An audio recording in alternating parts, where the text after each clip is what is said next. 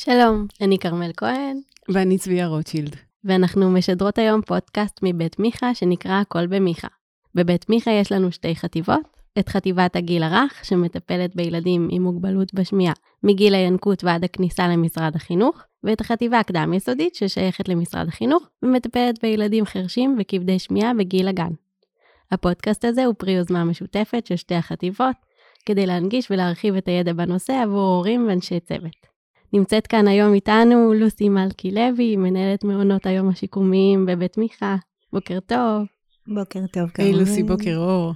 בוקר טוב, כרמל, בוקר טוב, צביה. אני אתחיל ואגיד, לפני שאני אתן לך uh, להציג את עצמך, בטח תעשי את זה יותר טוב מכל אחת מאיתנו. הפודקאסט הזה היום הוא מאוד חשוב. חיכינו המון זמן ל... באמת למידע הזה, כי שם הכל מתחיל. נולד ילד עם מוגבלות בשמיעה, מה עושים?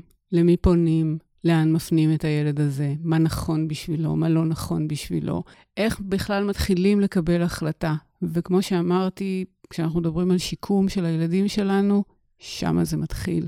מרגע האיתור, לקבל החלטה שבאמת תלווה אחר כך את השיקום של הילד, ויש לה המון המון משמעות. אז אני חושבת שהפודקאסט הזה היום הוא הזדמנות פז להעביר לכם ההורים, גם לאנשי מקצוע, למי שפחות מכיר את התחום שלנו, איפה מתחילים בכלל, למי פונים, מי מתאים, מי פחות מתאים, מה החוק אומר. מה המשמעויות, איזה דברים אנחנו, אתם למדתם בחטיבה של הגיל הרך עם השנים, איזה טיפים אנחנו יכולים לצייד את ההורים. אז אנחנו מאוד שמחות שאת פה, ואנחנו נשמח מאוד uh, שתחלקי איתנו את הידע הזה, כדי שנוכל באמת uh, לצייד הורים בידע חשוב. והנה, אנחנו נצא לדרך. אז בואי תציגי את עצמך. אז היי, אה, אני נורא שמחה להיות פה, ואפילו מתרגשת. כי אני באמת חושבת שזה נושא נורא חשוב. אני גננת במקצוע, ואני מאוד מאוד גאה במקצוע שלי. חושבת שזה מקצוע נפלא. לא מובן מאליו בימים טרופים אלה, עם כל השיח גם אחר שיש. נכון. אה, לוסי מצטנעת, היא לא גננת של יום אחד, שנה אחת, חמש שנים, קצת יותר, לוסי, נכון? כמה? 23 שנים. אוקיי. Okay. וצמחתי פה, במיכה, במקום המקסים והבית הזה, ואני מנהלת המעון כבר כמעט עשר שנים. עשר או אחת עשרה שנים. אבל לא סופרת? כן. אני. וזהו, אני מאוד אוהבת לנהל את המעון, אני חושבת שזו מסגרת אה, מאוד משמעותית להורים בתחילת הדרך, שנותנת המון, המון מענה לצרכים שלהם. אוקיי, okay. אז אנחנו נתחיל אה, לפרק את הנושא המאוד גדול הזה. מה זה? מה החוק אומר? חוק מעונות היום השיקומיים בעצם נכנס לתוקף משנת 2001, והוא למעשה מבטא הכרה בנחיצות של ההתערבות הטיפולית המוקדמת אצל פעוטות עם איזשהו עיכוב התפתחותי, במקרה שלנו מוגבלות בשמיעה. אני פותחת סוגריים ואני אומרת, החוק הוא חוק לכלל הילדים עם נכויות שונות, עם מוגבלויות שונות. שבין השאר מתייחס גם למוגבלות בשמיעה. בדיוק, ומתוך חשיבה שבאמת בשנים הראשונות יש אה, חשיבות קריטית ומכרעת להתפתחות בהמשך. המטרה באמת של החוק זה לתת מענה לכל הילדים בגילי חצי שנה עד שלוש, ומטרת החוק היא, היא להבטיח לפעוטות אה, בגילי חצי שנה עד שלוש אה, לקבל מסגרת חינוכית, טיפולית, שיקומית, נאותה, שעונה על כל הצרכים. שמכווננת לכל מוגבלות ומוגבלות, שזאת נכון, ההתמחות שלה. נכון. Mm-hmm. כחלק ממעונות היום השיקומיים יש מעונות יום שיקומיים שמטפלים בילדים מוגבלות בשמיעה, וזה עיקר הילדים שמגיעים למעון. אני כן חייבת להגיד שישנם ילדים עם צרכים נוספים שמגיעים למעון היום השיקומי. זאת אומרת, בנוסף למוגבלות השמיעה? בנוסף למוגבלות okay. אוקיי. השמיעה. שיש מוגבלויות אחרות שהן מאובחנות. ש- נכון. למשל? למשל מוגבלות אה, פיזית, mm-hmm. שההחלטה היא החלטה אה, של התפתחות הילד ושיח עם משרד הבריאות mm-hmm. של איזה מוגבלות היא כרגע נכון לשנים הראשונות היא יותר קריטית לטיפול. ראשונית, שלפיה תיקבע המסגרת. שלפיה תיקבע המסגרת, אבל אני גם אוסיף ואומר ש, שהרבה פעמים במהלך השנה שאנחנו רואים אם אנחנו רואים שאחת המוגבלויות אנחנו פחות יודעים לתת עליה את המענה לצרכים הטיפוליים אנחנו כן ממליצים ומעבירים למסגרת אה, שיקומית אחרת.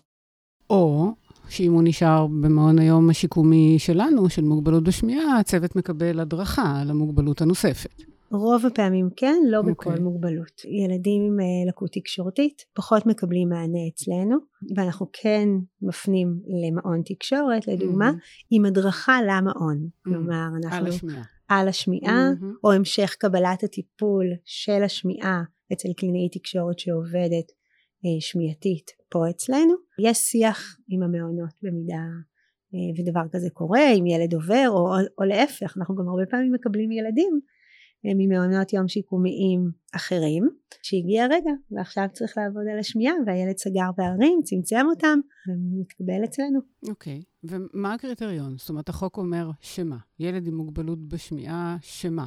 מאיזה סף? מאיזה גיל? הילדים שזכאים למעון יום שיקומי הם ילדים קודם כל בגילאי חצי שנה עד שלוש. המעון נמצא תחת פיקוח אה, של משרד הבריאות ומשרד הרווחה, השירותים החברתיים. משרד הרווחה והשירותים החברתיים בעצם אחראים על ילדים בגילאי לידה עד שלוש, המעון הוא תחת הפיקוח שלהם, ולכן זכאים ילדים רק בגילאים האלה. אמ, עד חצי שנה מה? עד חצי שנה הילד אמור להיות בבית עם, ה, עם ההורים שלו. כן אני אגיד שפה במיכה יש לנו אחד המסלולים, הוא מסלול המסלול הפרטני בעצם, שאליו מגיעים ילדים מרגע גילוי לקות, משתבצים במערכת ומקבלים טיפול של וליווי גם של עובדת סוציאלית וגם של קלינאי תקשורת עד גיל חצי שנה ובגיל חצי שנה במידה וההורים mm-hmm. המשפחה מעוניינת להכניס למעון הם יכולים okay. את המסגרת הרשמית תתחיל בגיל חצי שנה, אבל יש מענה גם עד אז. נכון. ומה הקריטריון מבחינת המוגבלות? הרי לא כל ירידה בשמיעה אפשר להתקבל למעון. מה הסף? ילד שיש לו גמלת ילד נכה. כלומר? כלומר שיש שתי האוזניים עם לקות בשמיעה, יכול להתקבל למעון ללא שום בעיה. שאם אני זוכרת נכון, זה אומר שבאוזן הטובה יותר יש ירידה ממוצעת של לפחות 40 דציבל? נכון, 45 okay. דציבל באוזן הטובה יותר מקבלים 100% נכות בשני האוזניים, ובאוזן, ואם יש 40 או 44 אה, דציבל, הם מקבלים 50%.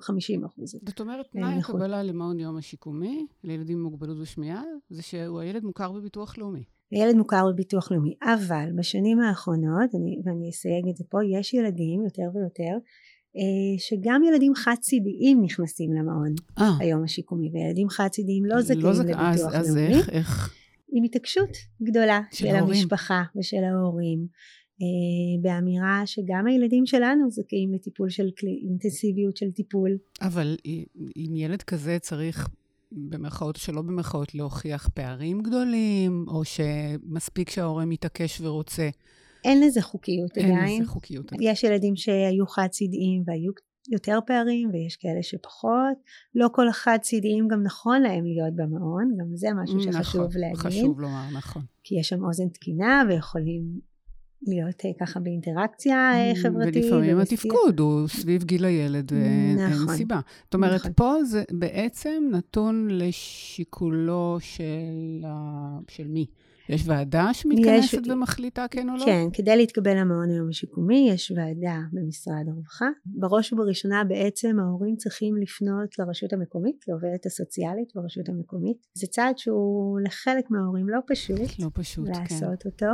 אבל חשוב לי להגיד שגם עובדת סוציאלית במיכה פה. אנחנו עוזרים ביצירת הקשר עם העובדים הסוציאליים ברשות המקומית ויצירת הקשר עם הרשות המקומית אני יודעת שיש בה הרבה הרבה סטיגמות של מה זה אומר כשאני הולך אה, לפתוח תיק ברווחה ואני הולך להיות מטופל אצל אה, עובד סוציאלי? זה לא בהכרח ככה. יש, אה, הם, הם באים באמת כדי לתת מענה ולעזור ו, ולתמוך ולכוון בכל הבירוקרטיה הזאת כי גם למלא את הטופס של גמלת ילד נכה זה טופס שהוא לא, לא יותר מדי מורכב אבל צריך לדייק אותו וצריך לדעת איך למלא ומה למלא ולמי לשלוח כדי לקבל את כל התנאים אחר כך.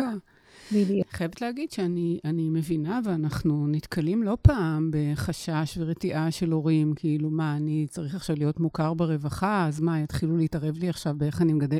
התשובה היא לא, זאת לא המטרה.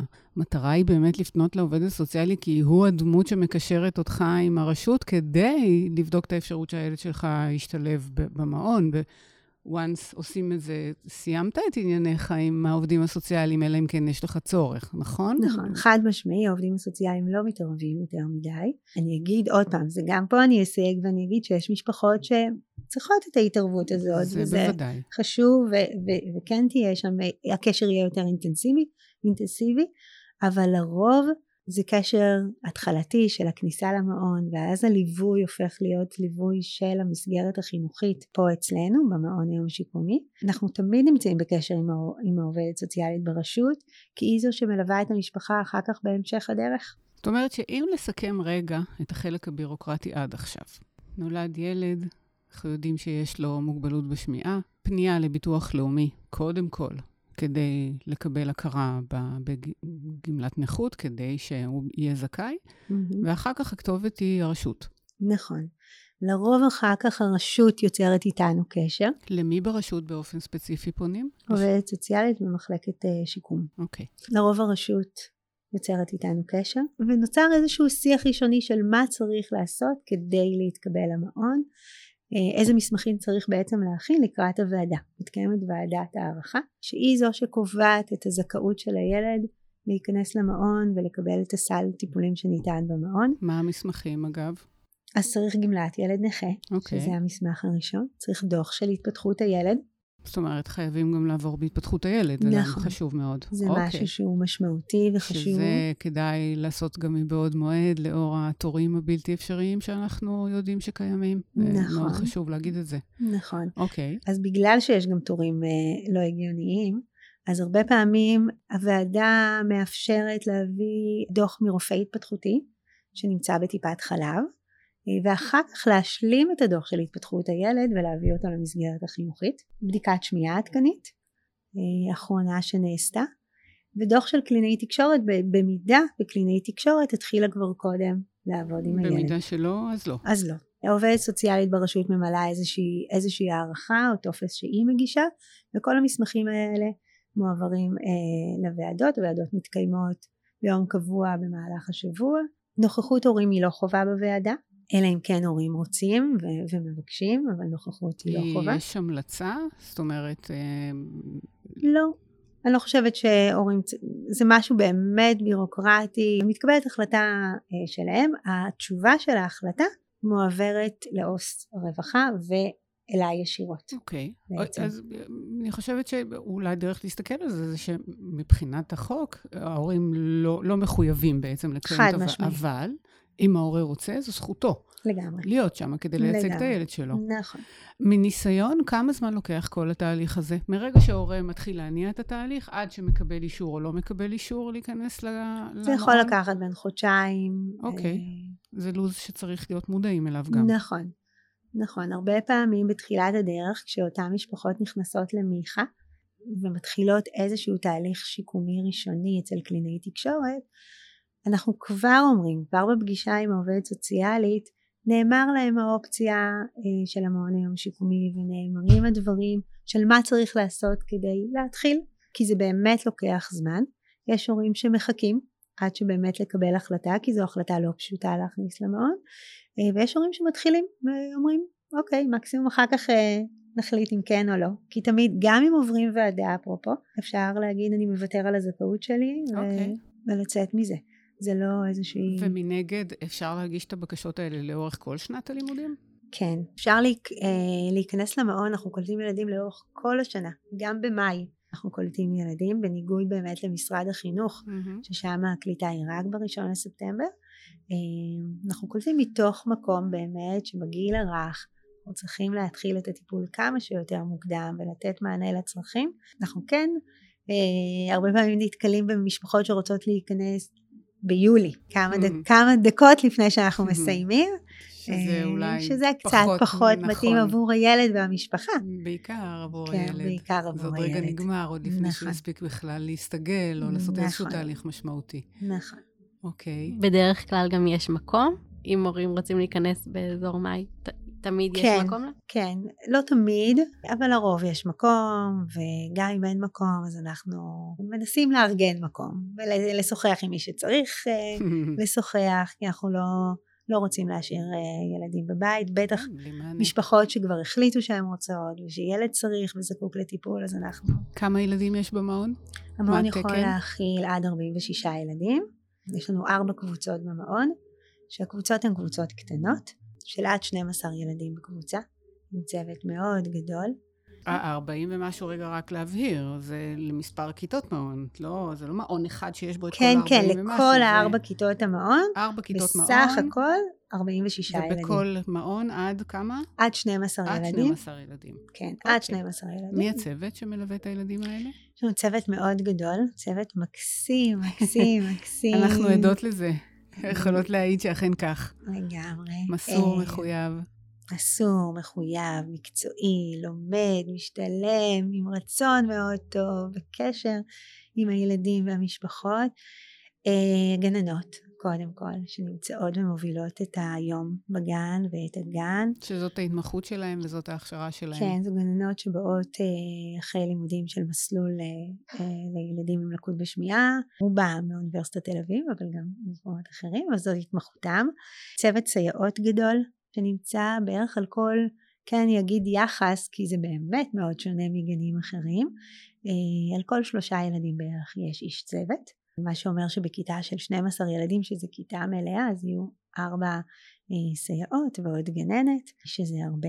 יש לנו בנות שירות לאומי בתוך הגנים, יש לנו מתנדבות וסטודנטיות לחינוך, ככה שכמעט זה אחד על אחד, אה, לטובה ולרעה, אני חייבת Hmm, להגיד, יש לזה כן. יתרונות ויש לזה חסרונות, וכמובן צוות פארה-רפואי. וצוות פארה-רפואי מאוד מאוד גדול, שכולל קלינאיות תקשורת, מרפאה בעיסוק, מרפאות בעיסוק, פיזיותרפיסטית, עובדים סוציאליים, בהחלט. אוקיי. במעון גם יש אה, תזונאית שנותנת Mm. מענה על כל הנושא של התזונה והאכלה, בונה את כל התפריט, בטח לילדים ספציפיים, יש לנו מענה לילדים אלרגניים כמובן, מהמם. אז גם לזה יש התייחסות. וכל המעטפת הזאת שאת מדברת עליה מעוגנת בפיקוח של משרד הבריאות משרד הרווחה. ומשרד הרווחה. זאת אומרת, יש מהמם. ממש תקנונים קבועים, ברורים, איך המבנה צריך להיראות, מה, נכון? כן, יש נהלים. ותקנון מאוד מאוד ברור על שטח הכיתה, איך צריך לראות, מה צריך לעשות, מה לתת לילדים לאכול, כמה טיפולים בשבוע הם צריכים לקבל, אה, בהחלט. כן. אז- יש לנו לא מעט בקרות. אז אפרופו, אה, כן, זה באמת חשוב מאוד להגיד, לא מעט. באמת, אה, מבחינת הסל שהילד מהמם. זכאי, מה, מה, ילד יתקבל לגן, מה, מה זה אומר הנהלים מבחינת מספר הטיפולים, איזה טיפולים, מי נותן אותם? כל ילד שמתקבל למעון בעצם מקבל אה, סל גדול של טיפולים, וזה בעצם אחת המטרות, האינטנסיביות הזאתי. הוא מקבל שני טיפולים של קלינאי תקשורת במהלך השבוע. טיפולים שאני כן פותחת סוגריים ואני אומרת שאנחנו מאוד מאוד חשוב לנו שהמעון בא בעצם לתת מקום להורים לצאת, לחזור למעגל העבודה ולשגרה שלהם ולהתפנות לדברים ויחד עם זה אנחנו אה, מאוד חשוב לנו שהורים ימשיכו להגיע לטיפול של קלינאי תקשורת. כלומר אה, להיות נוכחים בו. להיות נוכחים, להיות שותפים, לקבל את ההדרכה השוטפת, לראות. אה, למה? כדי לקחת, ובסוף הם בבית עם הילדים, הם שמה, הם צריכים לדעת איך לעשות את זה ביום יום, ו- ו- וזה הכי נכון, אנחנו מוצאים שבאמת הורים ששותפים בטיפול, ורואים ויודעים על מה לשים לב, ואיך להנגיש את הדברים, ממריאים ועפים קדימה. אז אני, אז אני כן חשוב לי להגיד שהסל הוא באמת שני טיפולים של קלינאי תקשורת, ש, שהרבה פעמים אנחנו מבקשים מההורים להגיע פעם בשבוע, להמשיך להגיע לטיפול של קלינאית, להיות שותפים בתוך חדר הטיפולים עם הילד, הם מקבלים על זה, יש להם חלק מהזכויות של ההורים בימים ל... אה, אישורים להיעדר איש- מעבודה? בדיוק. מה, מה הזכאות? אה, יש להם, אני לא יודעת להגיד במספר, מספר אבל יש להם פעמים איקס פעמים אוקיי. אה, בשנה להיעדר, הם מקבלים מאיתנו גם מסמך על זה שהם נעדרו אוקיי. אה, עם השעה וה, והתאריך של הטיפול. אז חשוב מאוד שהורים יהיו מודעים שיש להם את הזכאות לזה, כדאי לבדוק את זה עם המעביד מהמם. באמת, או עם העובדת הסוציאלית שתיתן להם את המידע המדויק. כן. כל הילדים עוברים הערכה בתחילת שנה או ברגע שהם נכנסים למעון בפיזיותרפיה ובריפוי ועיסוק. ילדים שמתוך הערכה עולה צורך טיפולי אז כמובן יקבלו טיפול פרטני בתחומים האלה לא ביחד, כל תחום בנפרד. ילדים שיגיעו מהתפתחות הילד ותהיה המלצה בהתפתחות הילד לקבל, גם אם אנחנו לא ראינו באבחון שלנו, בהערכה שלנו, ש, שיש צורך, יקבלו בגלל האסמכתה של התפתחות הילד, ככה שזה עוד סיבה גם ללכת להתפתחות הילד mm-hmm. וחשוב שנהיה מודעים לזה. ובנוסף לכל אלה הם מקבלים טיפולים קבוצתיים אה, טיפול קבוצתי בקלינאות תקשורת, טיפול קבוצתי בריפוי ועיסוק ובפיזיותרפיה. בנוסף לפעמיים בשבוע הפרטני של קלינאי כן. תקשורת, עוד טיפול קבוצתי של כן. קלינאי תקשורת, וואו. כן. מכובד לגמרי. אז הם מקבלים uh, סל uh, גדול. אוקיי. זה עולה כסף? כמו כל דבר אצלנו בחיים. בחיים זה עולה כסף, אבל גם פה יש, יש דרגות. אה, לתשלום. התשלום אה, הוא לא אלינו למער, למסגרת החינוכית, אלא לרשות המקומית, ולכן הקשר עם העובד סוציאלי הוא מאוד חשוב. אה, היא זו שבעצם קובעת את דרגת התשלום.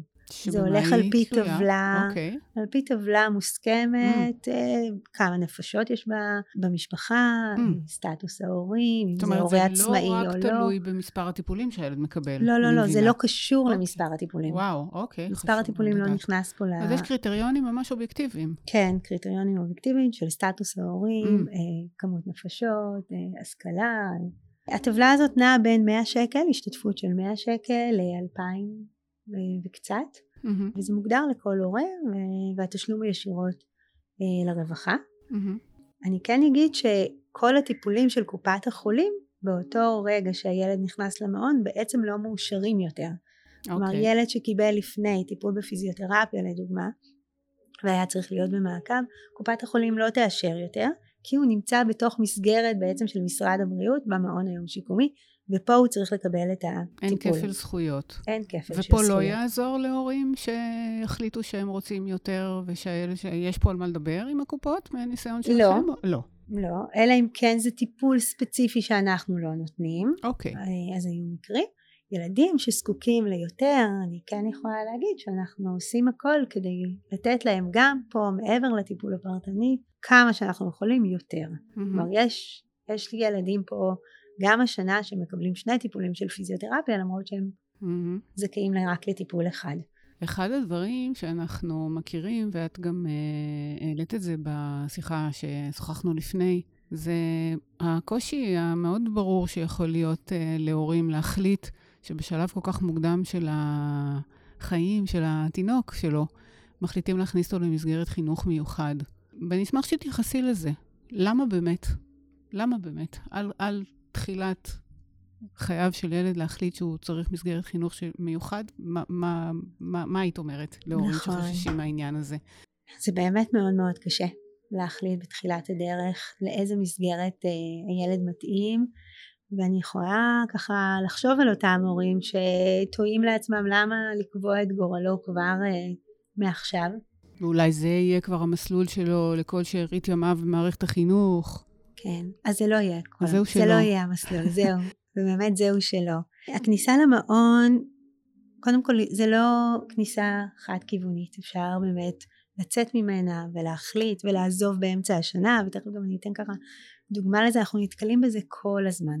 ההחלטה למעון הרבה פעמים בתחילת הדרך באה מתוך מקום בלתת אינטנסיביות, ואני רואה את זה אצל ההורים לילדים הצעירים מאוד, שאומרים אנחנו מעדיפים שהוא יהיה בקבוצה קטנה, בצוות שמוכשר ומקצועי ומכיר את השתל, את מכשיר השמיעה, שיודע לתווך את הדברים נכון, שהוא יקבל את המעטפת הכי הכי הכי צמודה, ואחר כך אנחנו נחליט.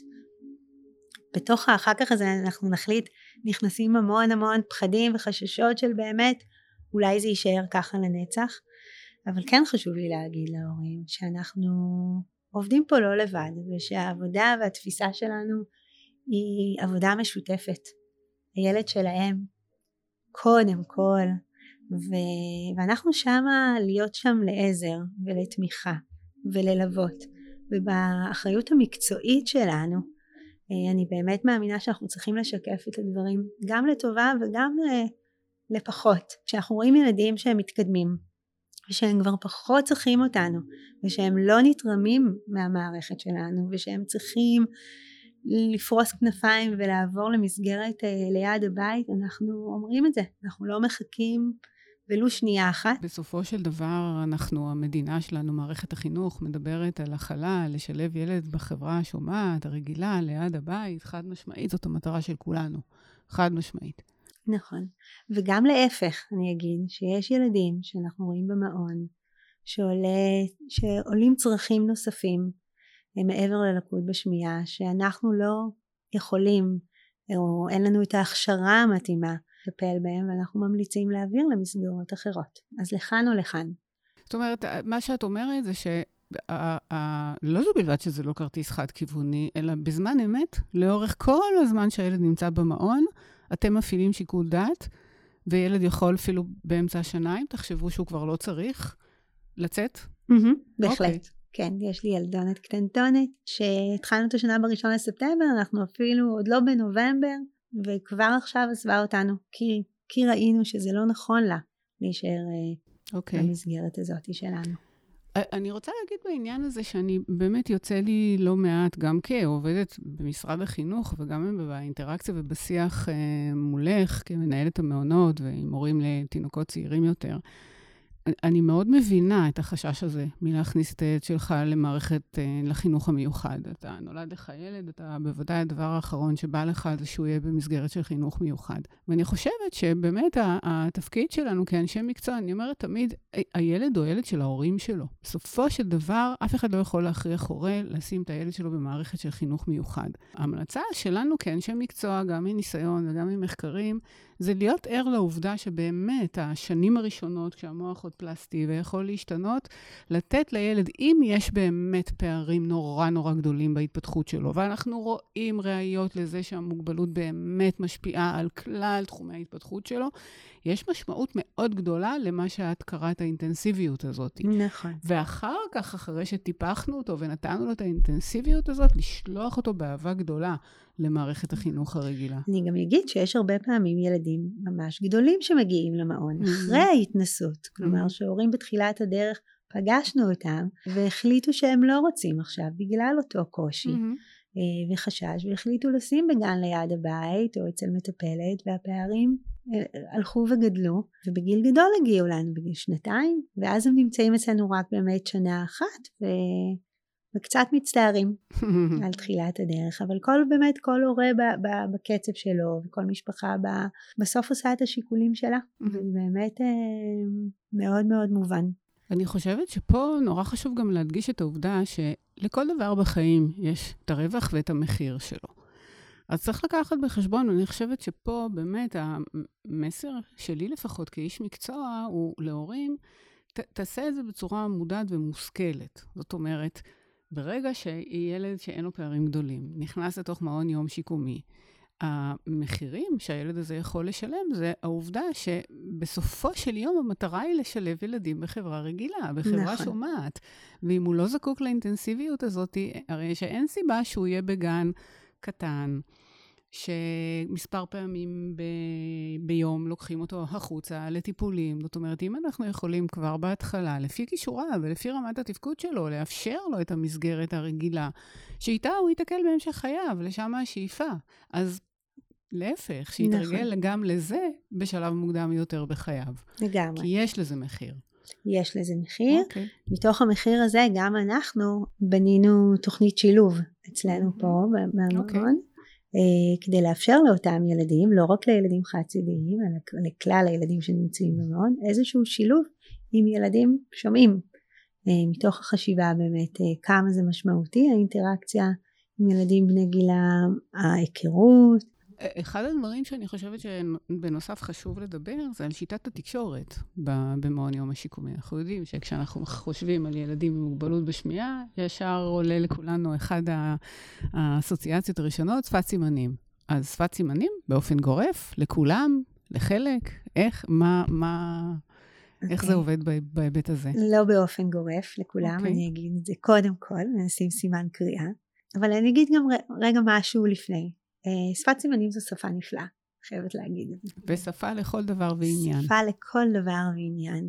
ויש הורים שזו דרך... שאני אגלה בסוד למאזיננו, שאולי לא יודעים שאת אה, שולטת בה ברמה מאוד גבוהה, ברמה של שפת אם. נכון, אני מאוד מאוד אוהבת את השפה הזאת, אני מאוד אוהבת לתקשר בשפה הזאת, אבל אני כן מכבדת את ההורים שלא מעוניינים בשפה הזאת, וככה גם במעון, זה בדיוק משתקף גם במעון. יש לנו יכולת לסמן ויש לנו יכולת לדבר, אה, וגם אם אנחנו מסמנים ילדים שזקוקים לשפת סימנים, שפת הסימנים לא ניתנת לכל הילדים באופן גורף, אלא רק למשפחות ולילדים שזו שפת האם שלהם, או למשפחות שזו לא שפת האם שלהם ורוצים את השפה הזאת עבור הילדים, יש צוות שיודע לסמן, אה, וגם אם הצוות הזה מסמן אז הוא תמיד אה, מדבר תוך, במקביל לסימנים. שפת הסימנים ניתנת לכל מי שצריך את השפה. והוריו. בוחרים. והוריו בוחרים. בוודאי. שום החלטה, כמו שאמרנו כבר קודם, שום החלטה לא נעשית פה על דעת עצמנו, רק בשיח עם המשפחה, אז גם אם אנחנו חושבים שילד לא מתקדם מבחינה שפתית ושמיעתית וזקוק לעזרה בשפת סימנים וזה יעזור לו לפתח שפה יותר מהר, אה, אז אנחנו נשב עם המשפחה, נמליץ, ההחלטה של המשפחה תהיה מה שהם יחליטו ואנחנו נכבד אותה. חשוב לומר שפה באמת זה, זה נושא שצריך לקלה, לקיים עליו דיאלוג, כי אנחנו יודעים שיש כל מיני גישות טיפול וכל מיני גישות תקשורת, ויהיו כאלה שיותר ילכו בכיוון האוראלי, ויהיו כאלה שילכו יותר בכיוון הכוללני, מה שנקרא, אבל כאנשי מקצוע, כמסגרת, מה שאת אומרת, לוסי, זה שבאמת יש פה איזשהו שיח. שמאפשר לילד ולהורים שלו להביא לידי ביטוי את הצרכים שלו, את התפקוד שלו, את שפת האם שלו, את התרבות שהוא בא ממנה. Mm-hmm. זאת אומרת, הדברים האלה תמיד תמיד יילקחו בחשבון. לגמרי, בוודאי. אוקיי. Okay. אחד הדברים ששוחחנו עליהם והעלית בשיחה המקדימה שעשינו לפודקאסט, הייתה לגבי אה, איך הילדים מגיעים למעון, שלוש נקודות. את רוצה להתייחס קצת לסוגיה הזאת? כן. היא לא פשוטה. לא פשוטה. סוגיה באמת באמת אה, לא פשוטה, אני מרגישה, אה, רק את אומרת, אני מרגישה את הבטן שלי מתהפכת.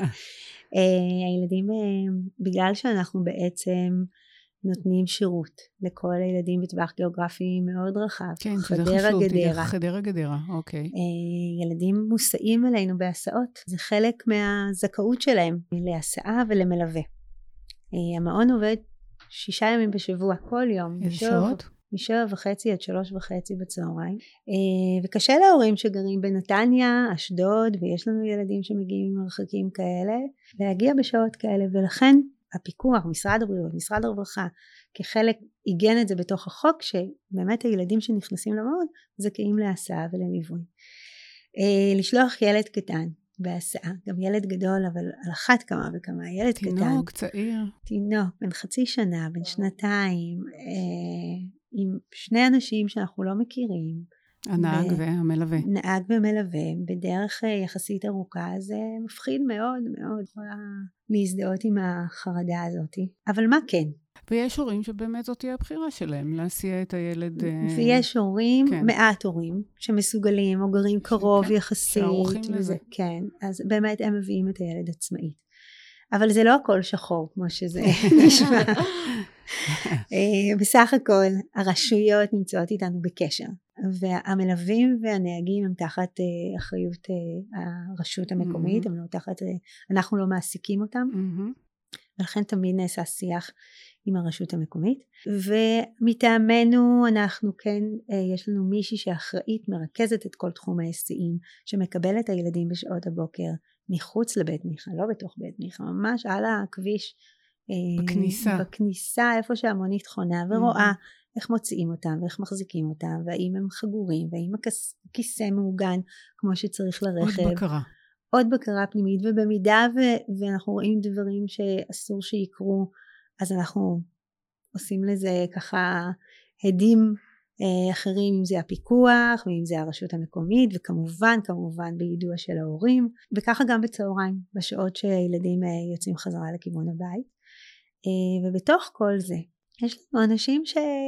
שבחרו את המקצוע הזה או לה... להסיע ילדים או ללוות ילדים אה, ואני חושבת שאם אני יכולה לתת איזשהו טיפ קטן ככה אה, למשפחות אז זה להתייחס אליהם, להתייחס, לראות אותם. הרבה פעמים אנחנו מרוב הלחץ, אה, מרוב אה, זה שאנחנו טרודים בהמון דברים של היום יום, בין אם זה עוד ילדים ועבודה, ואנחנו כאילו לא רואים את האנשים שבדרך, והם אנשים. ואני באמת כל שנה ככה אה, אומרת להורים, תסתכלו עליהם, תיצרו איתם קשר, תהיו איתם בקשר לפני תחילת השנה, תזמינו אותם לבית שלכם, שיכירו את הילדים קודם, שיכירו אתכם, תגידו חג שמח, תקנו איזה שוקולד טעים ומתוק. לתחזק את הקשר. לתחזק את הקשר. ולטפח עם האדם ששומר על הילד שלכם בהסעה, כן. כן, כי הוא בעצם העיניים שלכם בזמן הנסיעה. ואז, אחרי uh, תקופה מסוימת במעון היום השיקומי, הילד גדל, מגיע לגיל שלוש, ווואו, צריך לעבור למערכת החינוך. נכון. גם זה מעבר לא פשוט. מעבר לא פשוט בכלל. אה, כן, זה קודם כל הפרידה. אה, עד שהתרגלתי אליכם והכרתי אתכם. ולחממה העוטפת הזאת עם ארבע סייעות. חממה עוטפת עם המון כן. סייעות ונשיקות וחיבוקים והם קטנים. כן. זה מאוד קשה לעזור. וגם פתאום אה, מעבר והתמודדות עם משהו אחר, הצומת הזאת, אנחנו מכירים שהצמתים האלה קצת מחזירים אחורה, כמו הכניסה למעון שהייתה קשה, אז פתאום להתחיל נכון. מסגרת חינוכית חדשה, זה לא מגייס לא את כולנו מחדש כמשפחה. אבל גם פה אני רוצה להגיד משהו שהוא נורא נורא חשוב. מיכה זה מיכה, ונכון שיש את החטיבת הגיל הרך והחטיבה הקדם יסודית, אבל אנחנו אותו, אותו בית, והעטיפה והחום ו... והמקצועיות עוברת גם לקדם יסודי והקשר עם הצוות אה, הוא קשר שנעשה כבר מאמצע השנה, מהרגע שמתחילים לחשוב על המעבר ולקראת כל התהליך הזה של המעבר, מתחיל קשר מאוד אינטנסיבי אה, עם הצוות שאמור לקלוט את הילדים, אם זה העברת מידע גם על הילדים וגם על המשפחות אה, והדיוק של מי צריך מה ואיך צריך להתייחס ואיך צריך להגיד וגם הקשר הזה נמשך במהלך השבועות הראשונים של השנה אם צריך כדי לדייק עוד את הדברים ולעשות אותם הכי נכון גם עבור הילדים וגם עבור המשפחה. וגם כמובן בהיבט הלוגיסטי, הבירוקרטי לצורך העניין. לגמרי. מעבר למערכת החינוך מחייב את הילדים לעבור ועדות זכאות ואפיון mm. כדי לתת להם את הזכויות שלהם במשרד החינוך, אז הקשר הזה של שתי החטיבות, באמת יש איזושהי תוכנית שלמה של מעברים,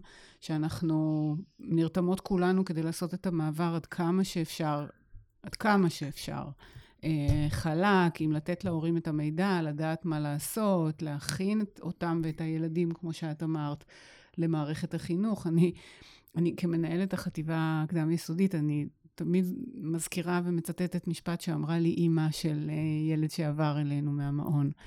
באמת, בן יום אחד, בספטמבר אחד, הילד פתאום נהיה ילד, בן שלוש, גמרנו, הוא כבר לא תינוק. זה כבר לא התינוק הזה שכולם אה, מסתובבים ומתפעלים מכל פיפ שיוצא לו מהפה. פתאום צריך לגמול אותו מטיטול. פתאום הוא לא לבד בגן, אם הוא בגן רגיל יש עוד שלושים וכמה ילדים. בבת אחת מצופה ממנו לא לישון בצהריים, מאיתנו כל מיני דברים שאתה, רגע, שנייה, מה נהיה? אז אני חייבת להתייחס לזה, כי אני מרגישה גם בשנים האחרונות שאנחנו, אה, הפידבק מההורים אחרי המעבר אה, הוא מאוד מאוד משמעותי. בין אם זה להתחיל גם אצלנו, כבר אצלנו, לנסות להכין אותם כמה שאפשר להפסיק לישון שנת צהריים, לנסות לעודד את הגמילה הזאת. לאט, בהדרגה, אנחנו רק נגיד, אין לנו עניין במערכת החינוך בבת אחת לקחת לכולם את המוצצים, את הטיטולים, ויאללה, רגע, ברור, תהליך. הכל בהדרגתיות, כן. וזה, אבל בגלל שזה תהליך ובגלל שזה הדרגתי, אז כן, כדי להקל אחר כך גם על המעבר, אז, אז כן חשוב שילדים שמוכנים, אפילו ברמה של חשיפה בלבד, אה, להתחיל את הדברים האלה כבר כבר באמצע השנה אצלנו. כן.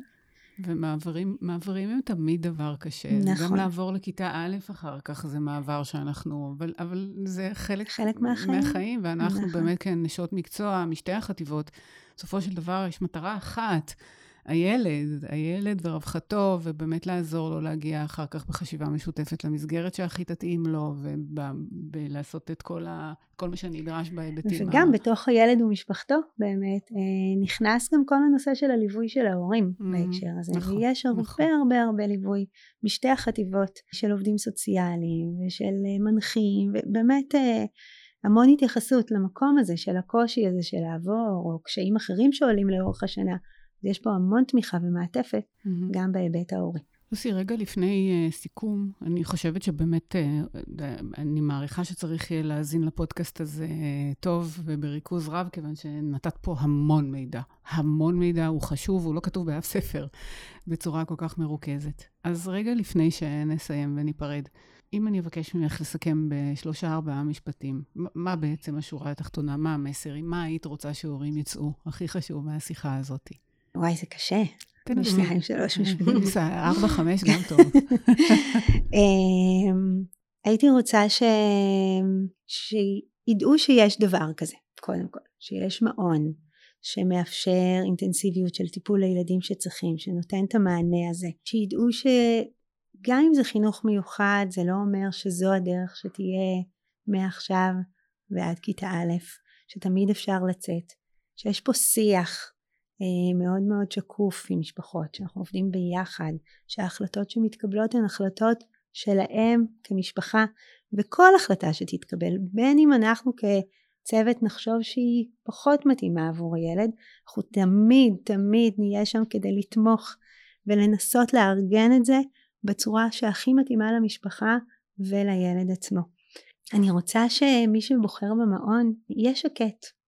כאילו זה השאיפה שלי, שיהיה שקט שירגישו אה, בידיים טובות, שהוא ירגיש שמלווים אותו פה, שיש פה המון צוות שפנוי אה, לעזור ו- ו- ו- ולתת אה, מידע והדרכה עבור ההורים, וגם בהמשך, כלומר שהמעבר יהיה חלק. הייתי רוצה שהם ידעו שהם בידיים טובות.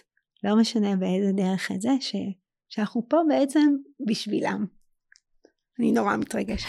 איזה מרגש לשמוע אותך. רציתי להגיד שאתם לא רואים את מה שאני רואה, אבל אחרי 25 שנה העיניים שלה נוצצות והיא מתרגשת נורא. לוסי, אני רוצה מאוד, מאוד להודות לך על השיח הזה. אני חושבת שנתת פה מידע מאוד חשוב, גם מהלב וגם מה, ממה ש, מהניסיון המאוד גדול. המשיך לעשות את העבודה החשובה והנפלאה. תודה רבה. תודה לכן. אני אוסיף ככה, שאני זוכרת לפני שבע שנים בתור סטודנטית בחוג להפרעות ותקשורת, היינו צריכים לעשות uh, תצפיות בבית מיכה, uh, ואני צפיתי איזה שעה במעון יום שיקומי ובמפגש שלך בגן עם הילדים, והייתי מאופנטת, ממש הייתי מאופנטת, הילדים ישבו והקשיבו לך עם עיניים נוצצות כמו שאת עכשיו, זה היו העיניים של הילדים. וזה היה פשוט מהפנט, אני עד היום, את שרת שירים שאני עד היום זוכרת ושרה ב, ב, עם הילדים, פשוט uh, היה תענוג. זו החוויה שלהם כנראה. זכות גדולה, ותודה רבה, תודה רבה לכם.